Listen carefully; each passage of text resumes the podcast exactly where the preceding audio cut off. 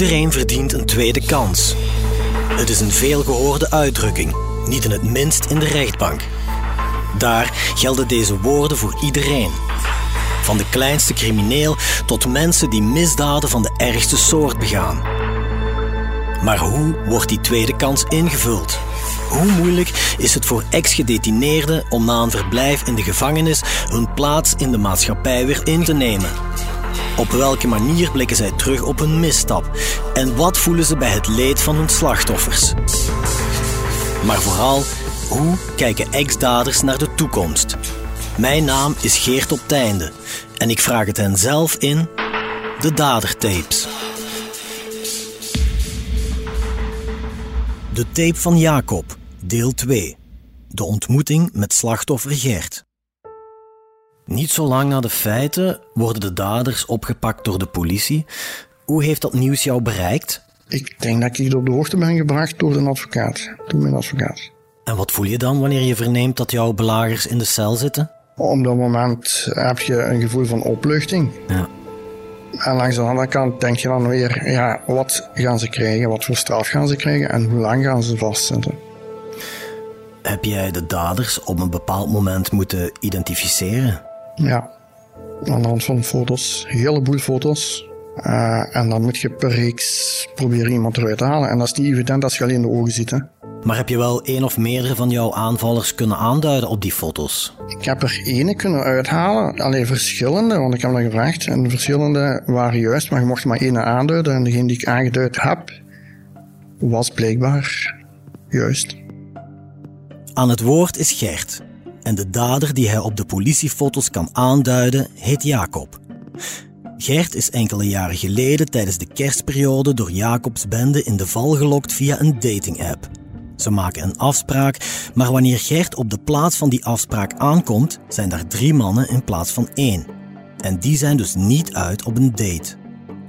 Gert wordt mishandeld en beroofd. En hij staat doodsangsten uit wanneer hij een tijd lang op de achterbank van zijn eigen wagen gegijzeld wordt, terwijl de daders in een rotvaart door de straten scheuren. Niet lang na deze feiten worden de toen 18-jarige Jacob en zijn kompanen opgepakt door de politie en de jonge bendeleider belandt in de cel. Jacob, jouw voorrechtenis heb je doorgebracht in de gevangenis van Hasselt. Kan je eens beschrijven hoe jouw leven eruit zag daar? Ja, elke dag hetzelfde. Half zeven, je wordt wakker gemaakt. Je gaat je vuilbak leegmaken. Zeven uur moet je gaan douchen. Daarna gaat je terug in je celletje. Je gaat je kamer poetsen. Je krijgt een borstel. Je poetst heel je kamer. Daarna doet je je ontbijt. Half acht. Acht uur is de wandeling tot negen uur. Je gaat een uurtje buiten wandelen. Elke ochtend ging ik half uur lopen en dan half uur wandelen. Dan gaat je terug in je cel. Je gaat even tv kijken. Daarna om 12 uur is je middagmaaltijd. En dan van 2 tot 4 heb je weer een wandeling. In die twee uren ben ik weer aan het sporten buiten. Ik was altijd aan het lopen, eerste half uur of uurke. Dus was ook in de gevangenis heel sportief. Ik deed gewoon verder wat ik buiten deed. Altijd sporten, voetballen. Ik maakte ook geen nieuwe vrienden daar. Ik wil gewoon met tijd uitzetten.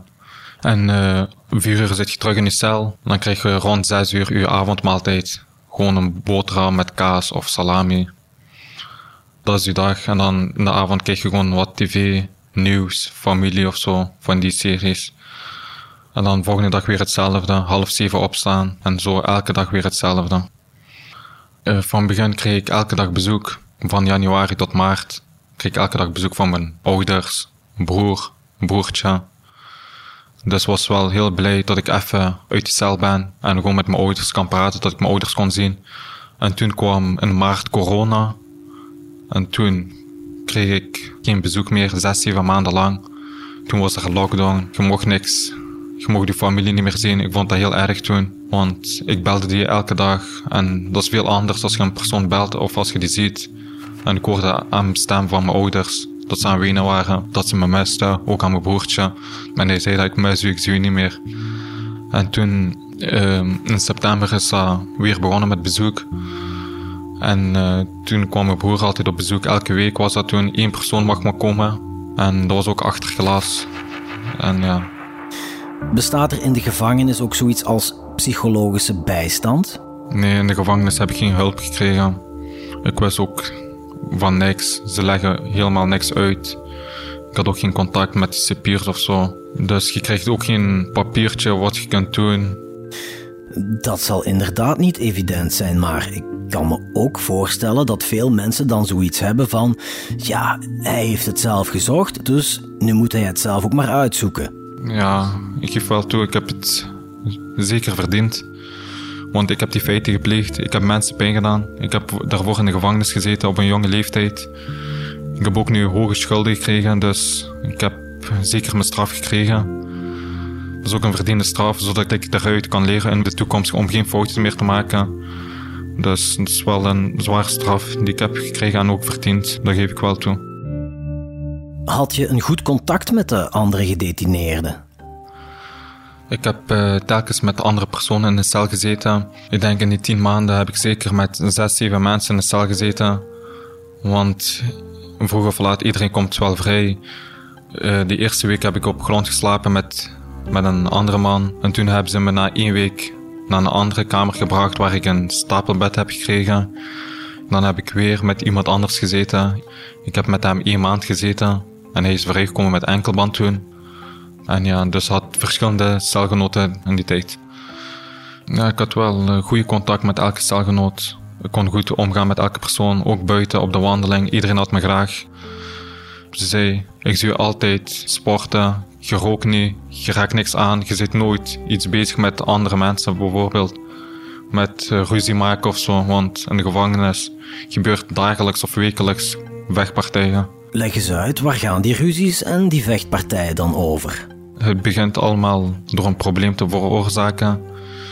Een persoon verkoopt drugs in de gevangenis bijvoorbeeld. En de andere persoon betaalt niet. En dan gebeuren er ruzies. En dan ja, beginnen ze te vechten, één persoon tegen één persoon. Daarna komen anderen ertussen. Dan begint dat een groep te worden. En zo wordt dat erger en erger. En soms worden er dan stenen gegooid. Of sommigen hebben een sok met een glas en ze gooien die op een persoon zijn kop. Ik heb ook alles gezien. Mensen die slag krijgen op de wandeling, tot zijn tanden eruit zijn gevlogen voor mijn ogen. Dat er vol bloed is op de wandeling. En de cipiers die zien ook alles van boven, maar ze kunnen niet ingrijpen omdat we met te veel mensen buiten zijn. Dus ja, zelfs heel veel mannen tegen elkaar vechten, heel de gevangenis zelfs. Misschien 200, 300 man op elkaar voor domme ruzies, gewoon om drugs te verkopen. Meestal gaat het gewoon om dit. Dat is eigenlijk gewoon zelf problemen veroorzaken als je drugs gaat kopen en niet betalen. Dan krijg je ruzie daar. Je zegt dat er drugs verhandeld worden in de gevangenis. Worden er in de cel ook, zoals het cliché wil, soms criminele plannen gemaakt voor later als gedetineerden weer vrij zijn? Ja, ze maken daar veel sociale contacten met andere mensen. Dat is ook bij mij geprobeerd. Mensen zijn naar mij gekomen. We gaan buiten dit doen, dit. En ik zeg u eerlijk, er waren ook zo van die grote mannen. En ja, ik ben er gewoon niet op ingegaan. Hoe lang heb jij uiteindelijk in voorrechtenis gezeten? Ik heb uh, tien maanden vastgezeten. Ik ben nooit vrijgekomen. Ik heb ook nooit een enkelband gekregen, omdat er recidivegevaar was. Ze hadden bang dat ik ging vluchten of weer feiten ging plegen. Dus ik moest in de gevangenis blijven tot de straf is uitgesproken, tot ik mijn uitspraak heb gekregen. Wat werd jou eigenlijk precies ten laste gelegd? Wat was de aanklacht? Diefstal met geweld, diefstal met verzwarende omstandigheden, uh, bendevorming. Ja, zo, die dingen. In de rechtbank eh, kwam ook ter sprake dat er vermoedelijk meer dan vijf overvallen hadden plaatsgevonden. Er werd zelfs gesproken van 27 potentiële slachtoffers. Hoe valt dat te verklaren? Ik zelf, ik heb vijf feiten gepleegd. Er zijn ook wel een aantal pogingen gedaan, maar het was mislukt. Dus we hebben vijf feiten gepleegd die 27, ik weet niet van waar dat komt, maar ik denk gewoon dat, dat het berichten zijn naar de slachtoffers zijn gestuurd. Dus. Jij werd gezien als de leider van die bende.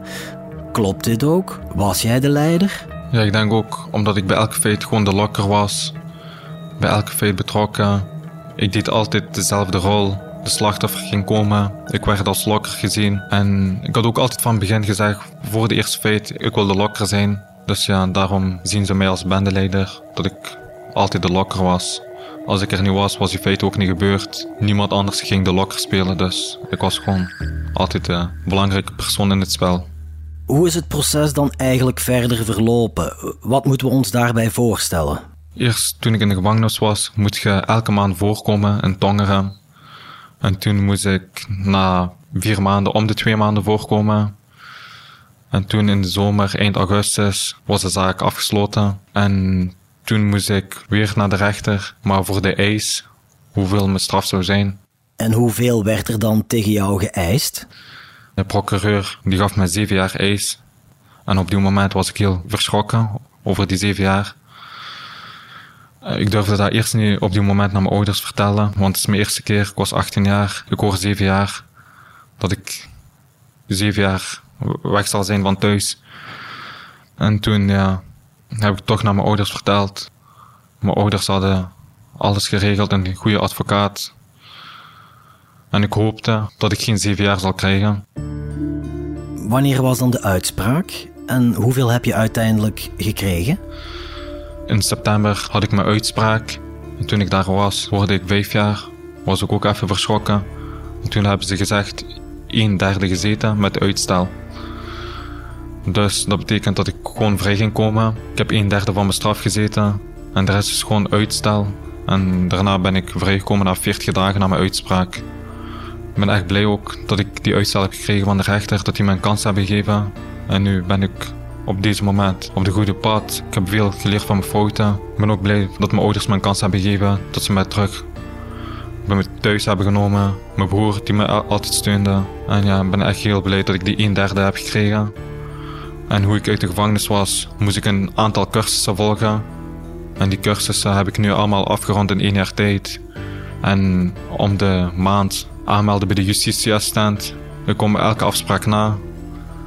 En ja, dit is veel beter dan in de gevangenis. Als ik dit niet had gekregen, was ik nog een aantal jaren daar. Dus ben heel blij voor deze kans. Ben je ook veroordeeld tot het betalen van schadevergoedingen aan de slachtoffers? Ja, het is wel een groot bedrag. Alleen voor de slachtoffers moet ik ongeveer 30.000 euro betalen. Maar ja, dat is een wijze les. Ik ben nu ook altijd in de vakantie aan werken. Ik doe nu studentenjob, soms ook twee, drie jobs in een maand. Elke weekend werk ik, elke vrije dag als ik niet naar school moet, werk ik. Tot alles zo snel hersteld is. Jacob krijgt vijf jaar cel, gedeeltelijk met uitstel.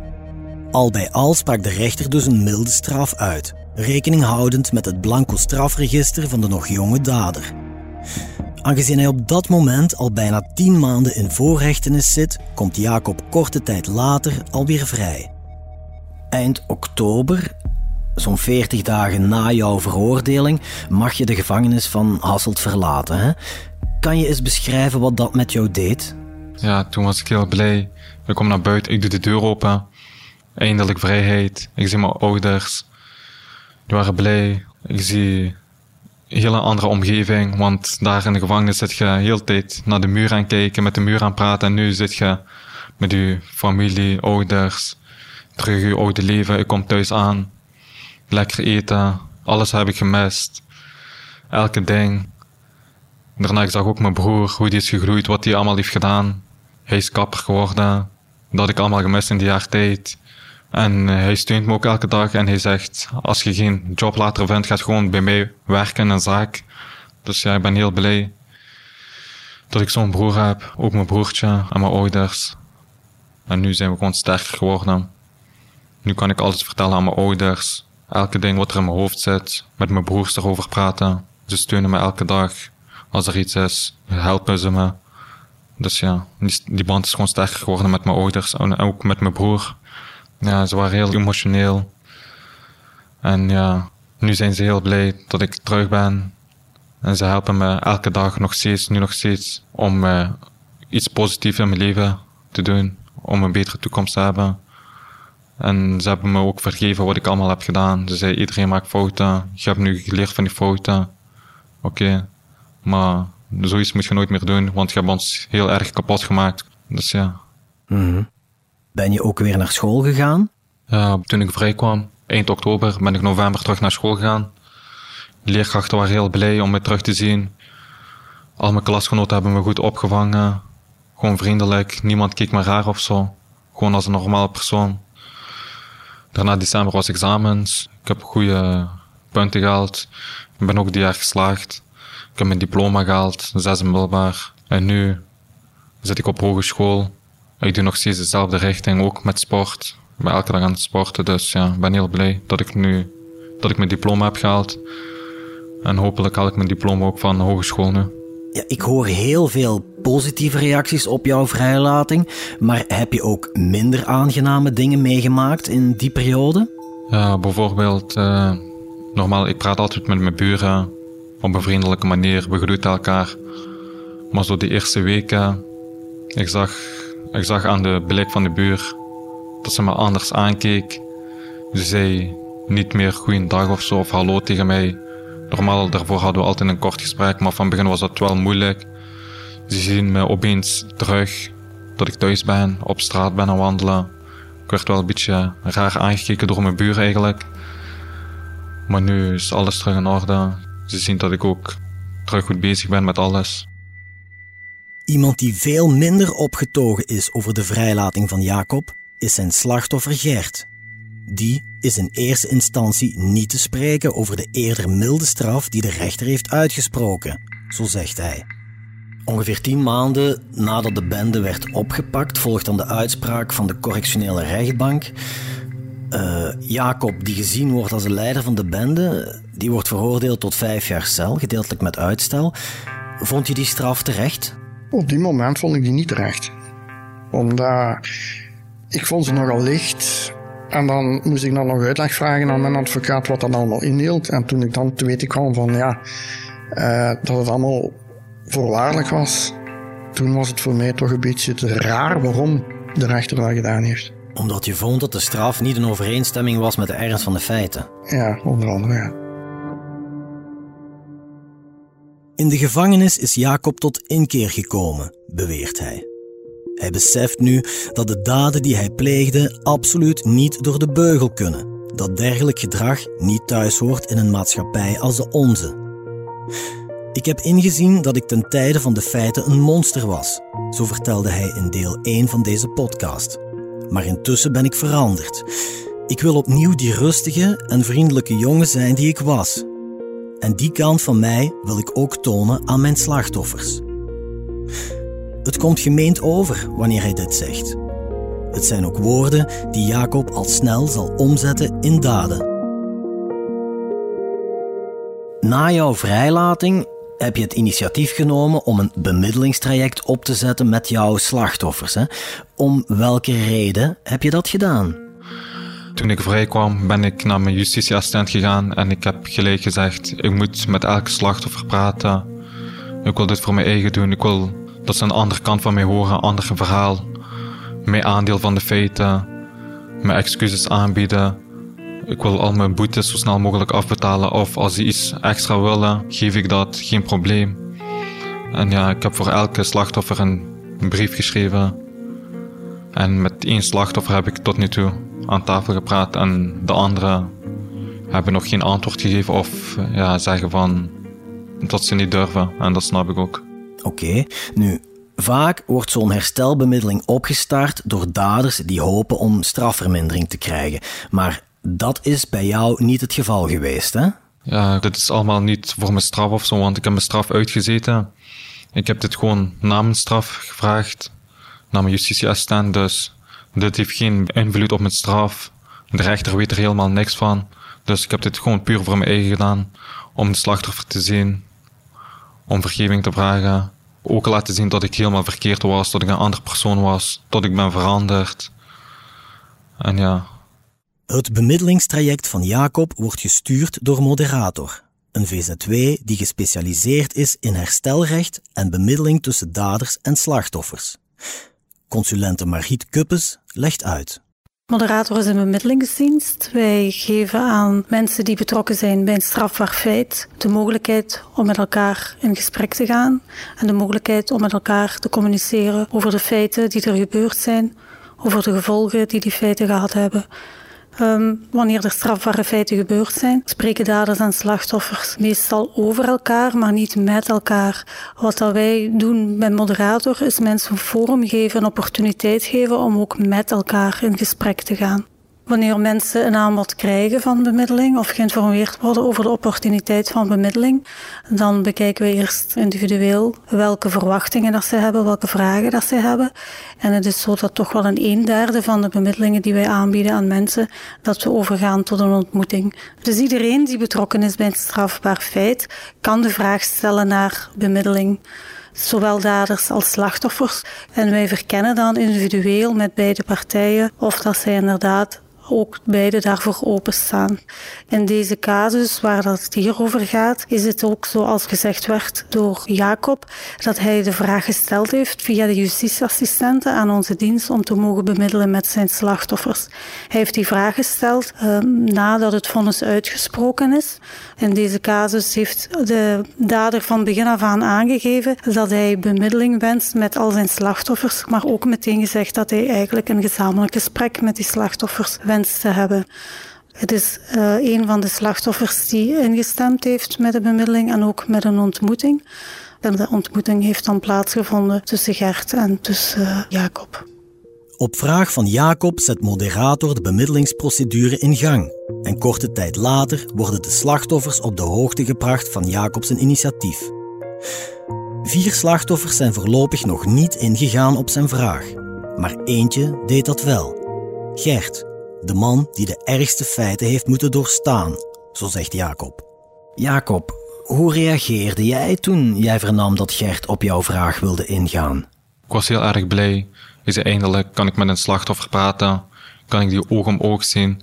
Dus ik was heel erg blij dat ik met hem aan tafel ga praten, mijn verhaal kan doen, dat hij kan luisteren en uh, betere kant van mij kan laten zien aan hem. Er wordt dan een ontmoeting gepland hoe heb je daar precies naartoe geleefd? Ja, op die moment ben ik zeker nerveus. Dan denk je er meer aan. De afgelopen nachten. Denk aan die feit. Wat er precies is gebeurd. Elke detail komt naar boven. En uh, ik kon ook kiezen als er een persoon bij me wou zijn. Voor extra steun. Maar ik had dit niet nodig. Ik wou dit alleen doen. Want ik heb die feiten gepleegd. Ik moet alleen met hem praten. Ik heb ook een grote brief geschreven aan hem. Ik heb die ook voorgelezen. En ja, we hebben elkaar gezien en het was heel goed verlopen. Ik zei mijn verhaal en hij vertelde zijn verhaal, hij luisterde. En op einde is het goed, goed verlopen, ja. Ja, die eerste ontmoeting die zal dan plaatsvinden. Kan jij beschrijven hoe jij dat gesprek hebt beleefd? Want ja, dat lijkt me toch niet evident. Ja, zeker is het niet simpel. Je komt binnen, de slachtoffers daar aan zitten. En dan probeert je zo vriendelijk mogelijk te zijn dan zit gaan zitten en dan denk ik aan mijn eigen shit, dit is een slachtoffer, ik heb hem heel erg pijn gedaan. Hoe zou hij me ooit vergeven? En toen ben ik ook gelijk begonnen met mijn brief voor te lezen. Hij heeft heel aandachtig geluisterd. En hij had enkele vragen over de feiten. Ik heb die open en eerlijk beantwoord over elke ding. En hij weet ook alles nu van mij, ook mijn positieve kanten. Niet alleen van die feiten, wat ik daarvoor deed, wat ik daarna heb gedaan. Dat ik ook gewoon naar school ging. Dat ik elke dag voetbal. Dus ja, dit gesprek was heel goed gegaan. En binnenkort ga ik ook nog een tweede gesprek met hem aangaan. Want hij wil nog een gesprek, heeft nog een aantal vragen waar hij mee zit. En ik ben er ook gewoon open om uh, weer in gesprek met hem te gaan. Hoe belangrijk is deze bemiddeling voor jou? Voor mij heel belangrijk. Als ik niet met hem in gesprek was gegaan, was ik nog steeds elke nacht daarover aan het denken. Nu, ik ben met hem in gesprek gegaan. Ik heb om vergeving gevraagd. Ik heb, mijn, ik heb mijn best gedaan om mijn verhaal te kunnen doen. Om al mijn positieve kanten naar hem laten zien. Dus dat was heel belangrijk voor mij. Nu heb ik ook een rustig gevoel. Hij ook, hopelijk. Je hebt Gert om vergeving gevraagd, zeg je. Ook dat is erg belangrijk voor jou, hè? Ja, ik vind ook dat uh, deze slachtoffer de ergste feit heeft meegemaakt en dat hij de lef heeft om met mij in gesprek te kunnen gaan. En hopelijk vergeeft hij mij. En wat jou betreft, kan jij jezelf vergeven wat je gedaan hebt? Ja, ik kan. Ja, het is moeilijk om te vergeven. Ik denk er altijd na, maar Ik probeer gewoon elke dag te bidden, aan God vergeving vragen. Als God me vergeeft, dan kan ik mezelf ook vergeven. Dus ja, ik heb ingezien dat ik fout ben. Als ik nu kijk terug wat ik allemaal heb gedaan, dan denk ik van, waarom heb ik dit gedaan? Voor wat? Het is allemaal voor niks geweest. Het is allemaal niet waard wat ik allemaal heb gedaan, dus. Gert is voorlopig het enige slachtoffer dat op jouw vraag is ingegaan om te bemiddelen. Als de anderen zouden luisteren, wat zou je hen dan willen vertellen? Ja, ik snap dat jullie heel erg bang zijn, maar ik was een heel ander persoon op deze moment. En ja, nu ik ben heel veranderd. Ik heb ingezien dat ik fout ben. Ik ben nu altijd elke dag aan werken voor mijn doelen. Ik wil ook mijn ouders trots maken. Mijn vrienden, mijn omgeving, dat ik iets heb bereikt. En ik wil ook graag met elke slachtoffer erover praten. En hopelijk zal dat lukken. De bemiddelingspoging van Jacob leidt dus al snel tot een ontmoeting met Gert.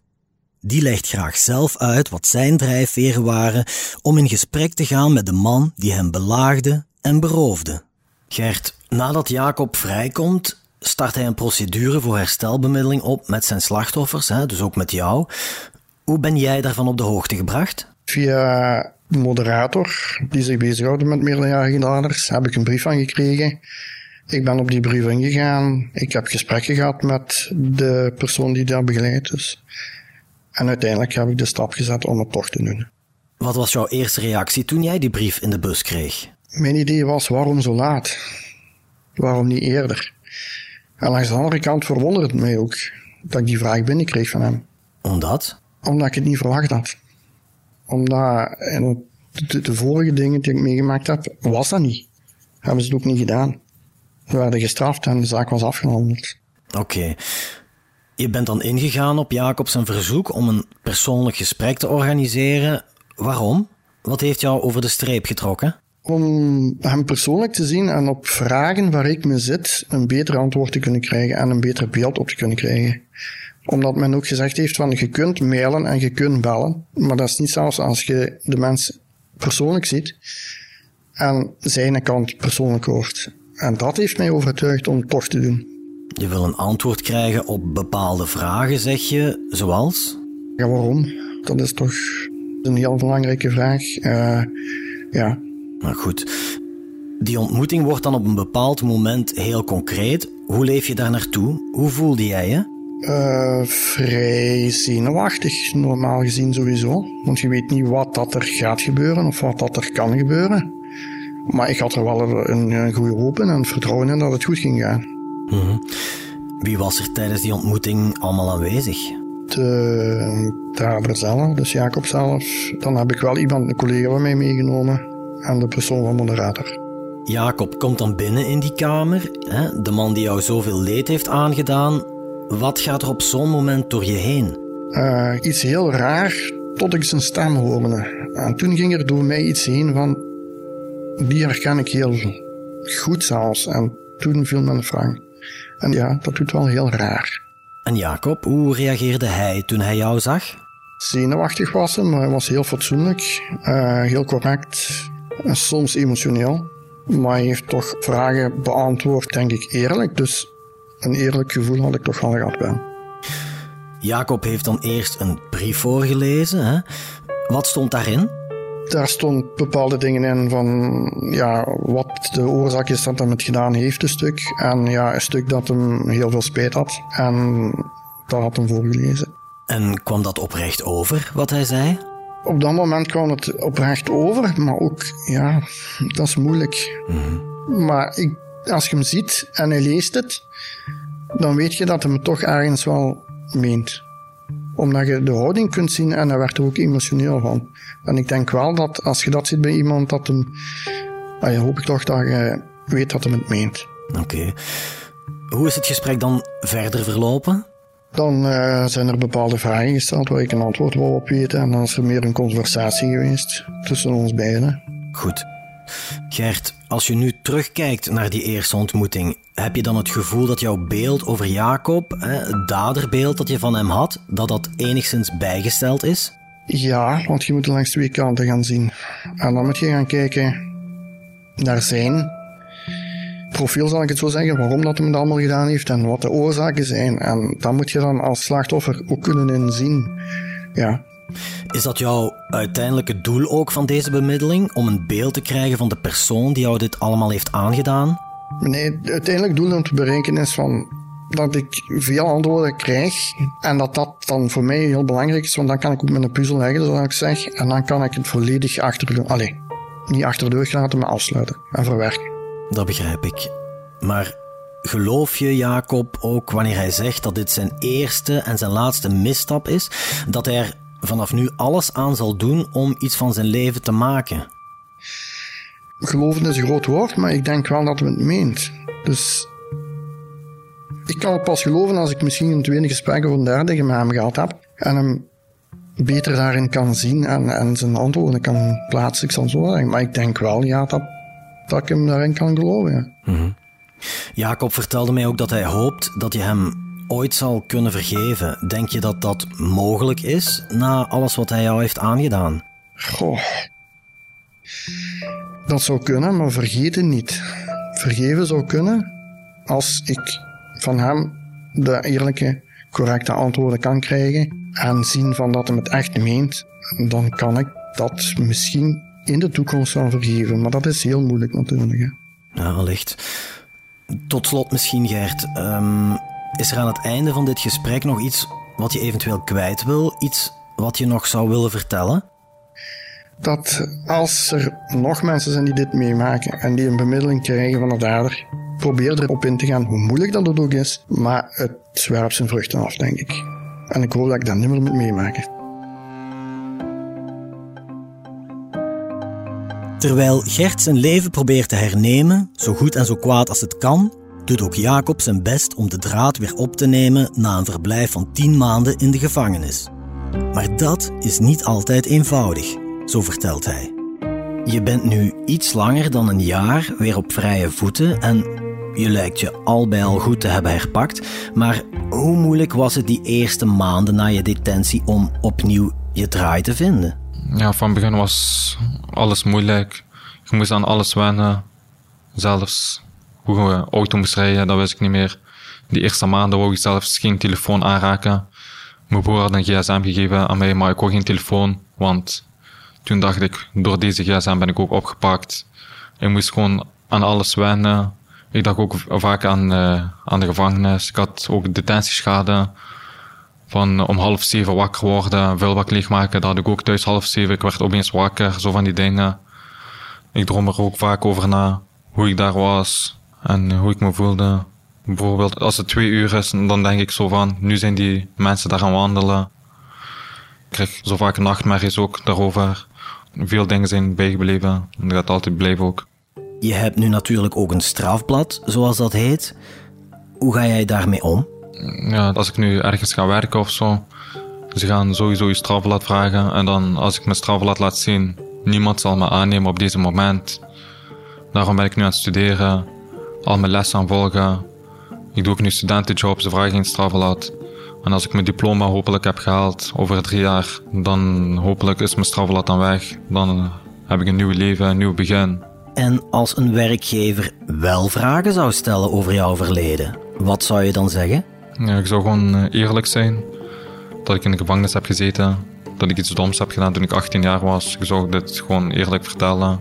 Ik zou dat niet verbergen. Waarom zou ik dit verbergen? Gewoon eerlijk vertellen. Eerlijkheid blijft toch altijd het langst, dus ja. En in je sportclubs? Ja, ze zijn op de hoogte daarvan, wat ik heb gedaan allemaal. Ik heb het wel verteld.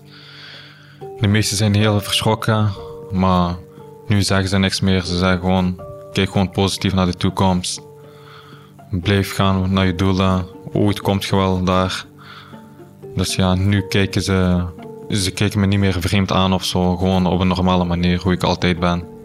Stel nu dat je een meisje leert kennen hè, en dat jullie een relatie beginnen.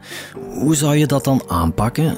Zou je haar meteen vertellen over jouw gevangenisverleden? Ja, zeker. Die heeft er altijd recht op. Ik zou dat gewoon voor mijn eigen zeggen.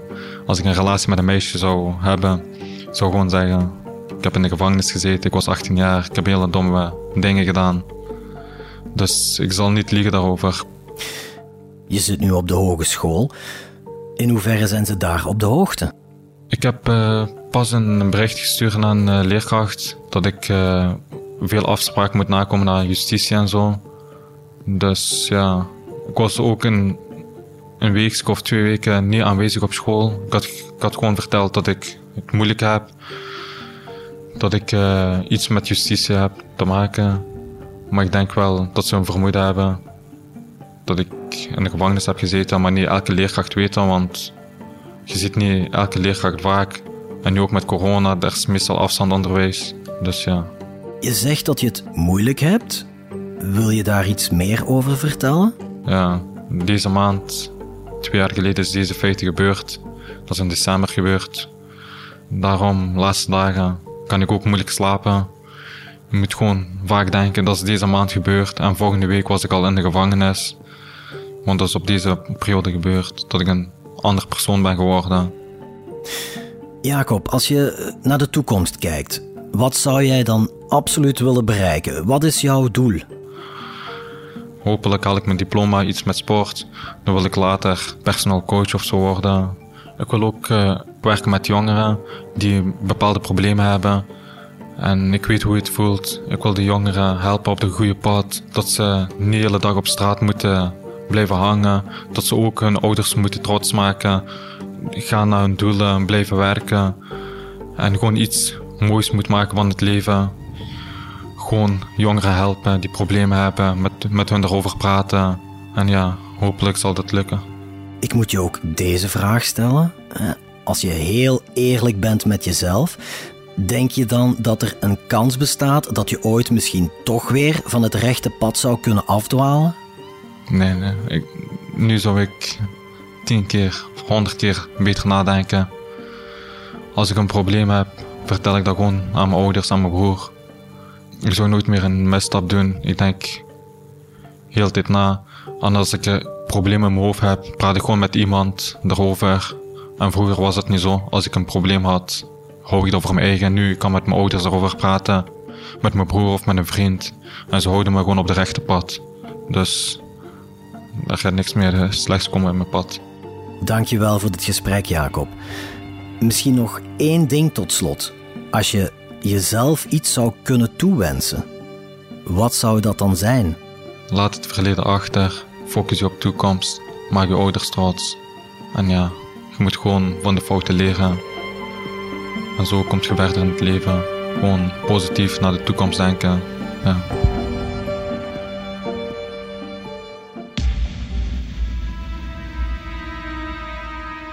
De Dadertapes is een podcastreeks van het Belang van Limburg, gemaakt door Geert op Teinde. De montage en audioproductie worden gesuperviseerd door Len Melot. Cato Poelmans coördineert, samen met chef podcast Geert Nies. Bedankt voor het luisteren. En hebt u een vraag of wil u reageren? Stuur dan een mailtje naar podcast@hetbelangvanlimburg.be.